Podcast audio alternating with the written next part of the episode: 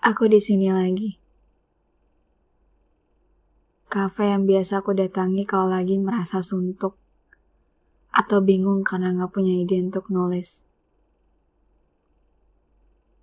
Hari ini suasana kafe cukup ramai. Ada beberapa pelanggan yang datang dan pergi untuk take away. Kamu tahu nggak kenapa aku suka banget di sini? Pertama, karena di sini lagu-lagunya tuh enak dan gampang didengar dan wifi-nya lumayan kencang.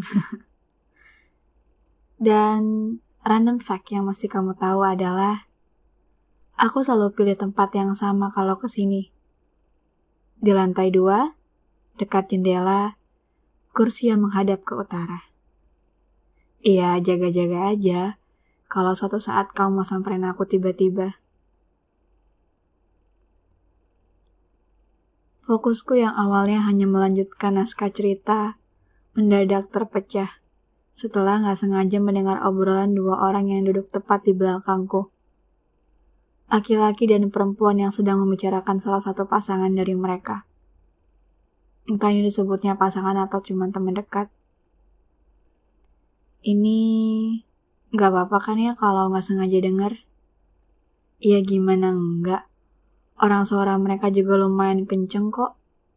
Bahkan bisa didengar dariku yang jaraknya cuma 5 meter dari mereka.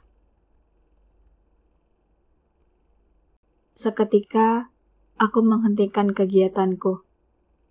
Tanganku yang tadinya sibuk menari di atas keyboard laptop, kini mengayun.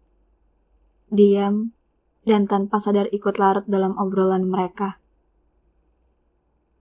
Dan setelah hampir setengah jam, satu hal yang bisa ku ambil dari obrolan tadi adalah apakah perasaan sayang yang sudah ada sejak lama akan tetap sama?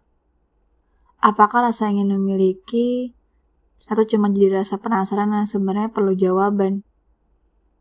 Iya, tanda tanya itu muncul soal apa yang sebenarnya selama ini aku rasakan ke kamu. Apakah perasaan kehilangan itu ada karena sayang, atau hanya karena waktu yang udah terlalu lama aku lewatin sama kamu?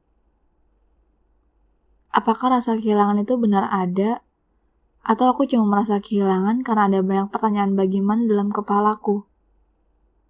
Bagaimana kalau waktu itu kita sama-sama? Bagaimana kalau sejak awal kita bisa sama-sama lebih jujur? Dan bagaimana kalau ternyata apa yang tadi mereka bicarakan benar? Bahwa mungkin selama ini aku cuma penasaran.